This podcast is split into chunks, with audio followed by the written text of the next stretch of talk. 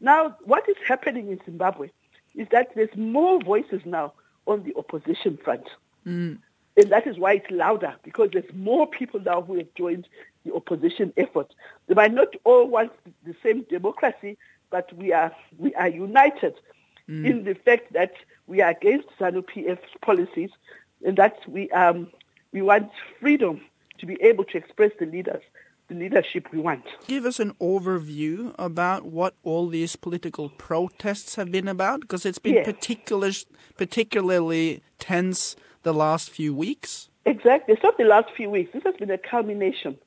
Actually, it's been a culmination from the first time MDC was formed in 1999. It was exactly that. The, you know, when the workers started, um, you know, um, when when factories were closing, and, um, and and and the workers then came about to have a political party, but with other people um, joining on. Now, it's uh, the process has been there for 17 years. And by the way, we celebrate, MDC celebrates its 17th year next week. I'll have to find the date. But anyway, so, so it's a process. It's a culmination of all these voices, which the movement for democratic change started. I think you even saw Morgan Tsvangirai being beaten up at one stage, and that changed because of history. You see, um, and, and even just before these new voices, these protests happened, on the 24th of April this year, Morgan Tsvangirai led a huge demonstration in Harare. It was a very peaceful one. I think it caught the the the, the, the ZANU PF government off guard because the, all they've been doing since um, they took over has been just saying MDC is dead, MDC is dead. Yet it is the largest political party in Zimbabwe today. So on the 24th of April, there was a huge demonstration, peaceful, against the government.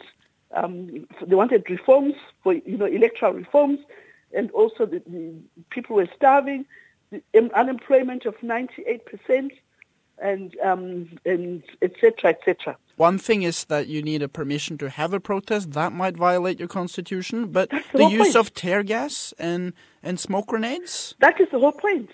And and what is happening is that it's now actually um, it's, it's, it's a state of emergency. The police have declared ah. on Zimbabwe hmm. to say to to say that there should there will be no more protests in this country. No one is allowed to protest, which is again against the constitution. Hmm. And if no one is allowed to, so but people are going ahead anyway. How does Zimbabwe's ambassador to Australia um, end up seeking asylum? Um, first of all, I just want to start um, from the end, coming back into that question, and saying that your question is not about me. It's actually about the millions of starving, unemployed, poor, sick, and frustrated citizens in my country who long to be able to choose their own government without fear in a free and fair process where there's no violence and the outcome is respected. That is what I said then in 2013, which had to be, um, which led to my seeking asylum in Australia. Um, so basically what I said then has come to pass. It was inevitable and those were the issues. But um, me coming, becoming an ambassador was due to the fact that in 2008, um, the MDC, um, whose president is Morgan Tsvangirai, the party I come from, won the elections. And uh, it's general knowledge that uh, Mugabe refused to go and um, threw his toys out of the cot. And, um, and we were forced into a, you know, a coalition government. What was But for- Mugabe's argument for, for staying? What did he say? Well, the thing is that what happened was that um, it took two months to release the the um, the the results, and you can all imagine what happened because we believed strongly that we had a landslide victory.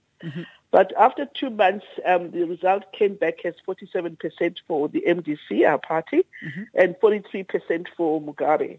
Now, according to the constitution then, it was that um, we could not form a government.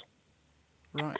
So henceforth, um, the international community and um, South Africa and the SADC region brokered a deal that we would share um, government in order to prepare to, to reform and, and uh, pave the way for free and fair elections after reform, so that then a clear, a clear, um, gov- you know, a clear government would, would, would emerge. So how how does a opposition, a female opposition politician, end up representing Mugabe's Zimbabwe uh, in Australia. How does that happen? I was um, nominated by my party, by Dr. Morgan Tsvangirai, to be the um, the candidate to be the ambassador in Australia and New Zealand. I had a double accreditation. Mm-hmm. So hence I came to Australia under that. Now it is common knowledge that it was not a, it was not a, a very um, what can I say good place. It was it was it was not easy having um, ZANU PF as, as, as, our bedfellows in government. I read um, a little bit about that, that mm. since you obviously belong to Mugabe's opposition, You were not the most popular person well, in the embassy. We were not. We were not opposition. We cannot have been opposition at the time. We won forty-seven percent. Oh yeah, of course, yeah, of course. So this is the language which is always mm. wrong. That we we actually won that election, so we mm. were not opposition. But rivals you know, is is rival better or? It's, it's no, it's not. It it it, it is. Um, it, it, it is the cycle of ZANU PF that they never wanted to share to share power. Mm. They use this platform in order to get give themselves time and to get back um, and, and, and, to get a, uh, mm. to get back, you know, a stronghold to to, to, to come back. Mm. So yes, of course, we are rivals. Yes, that's mm. true. And how did that? What sort of challenges were you facing as ambassador oh, in this situation? It was a terrible situation because it is common knowledge that every single ambassador to be to, no, sorry to be a diplomat in, in Zimbabwe, you have to swear allegiance to the political party just like all, just like to ZANU PF. Mugabe's just party. Like, yes, just like the police, all those kinds of, you know, um, entrenched systems. So all the people who were at the embassy, because I inherited them, mm. you know, they were part of the old administration, and they were given a mandate that they should um, not um, mm-hmm. to undermine me. That was. Can you talk a little bit about being a female politician in Zimbabwe in general? When it comes to women politicians, they are very, they are very, very hard. Mm. And, and they use the sexual connotations to degrade women in politics. That was from the very beginning when I was, when I was continuing my work, because one of the things they didn't want to, to, to, to, to be seen was that these new players could actually do their job. And I had such a successful record when I came here. My mandate was to re-engage the Australian government and the, and the New Zealand government to support this new, um, you know, this new deal and to and for bilateral relations and development aid. So I was able to do that. Can you talk a little bit about your time as ambassador? And what sort of stuff you did? Mm. If you can remember, the time when I arrived, Zimbabwe was a dirty word um, because from John Howard's days, when Zimbabwe was kicked out, well, they didn't get kicked out of the Commonwealth, but they, they Mugabe unilaterally left the Commonwealth. But you know, and cricket was removed from from from um, Zimbabwe. Cricket was removed from the World Cup. So I came into a situation where Zimbabwe was not welcome. So I had to change that, which I successfully did. Cricket came back. Um, we were by the time I finished, Zimbabwe was was um, was getting 25% of the total Africa aid budget, development aid budget going to Zimbabwe. Wow, that is so, definitely an achievement. Could you talk about what makes it so difficult for you to represent Zimbabwe in terms of corruption, um, Mugabe, you know, you know what gave well, Zimbabwe that, a bad that, name? At that at that time, it was not for Mugabe. What, um, what you know, when I was representing um, my country, it was for the inclusive government, for the people of Zimbabwe. So, um, you know, as the ambassador for the country, because this was an international agreement where we were trying to now normalize the, the situation, that was my mandate, and I carried it on.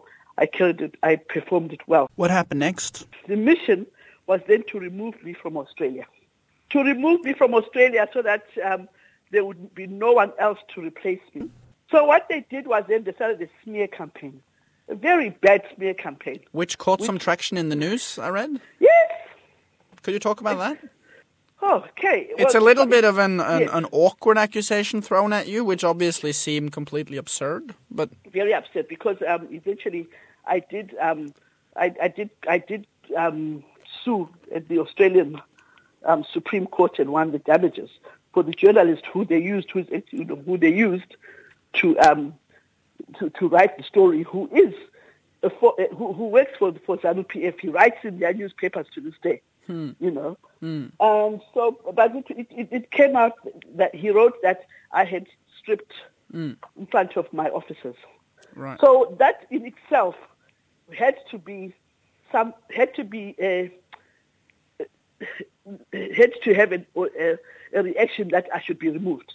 Sure, clearly, that was that was the intention. What went through what went through your head when that accusation was thrown at you? I mean, could you possibly have seen that coming at all?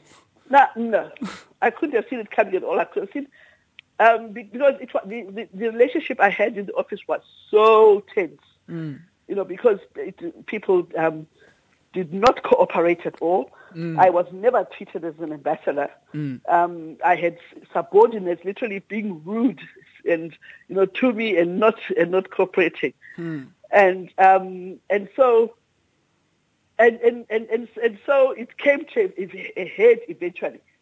And then when I saw this, I didn't even know that there was a ZANU PF, someone who wrote for the ZANU PF newspapers based in Sydney, who lives in this country. Mm-hmm. And when I saw this story, I was mortified.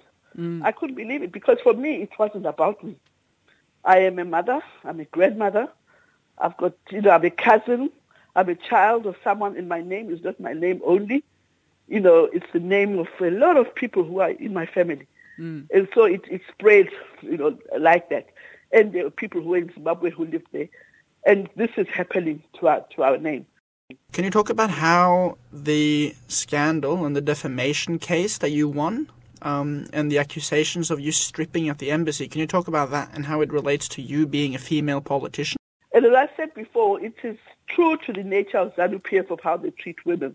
Mm. If you look at today's, um, when, if, um, I, I, don't know how much you follow it, but Joyce Mujuru, who is their vice president, yep. or used to be their vice president, how did she, how was she kicked out of ZANU PF? It was the sexual connotations.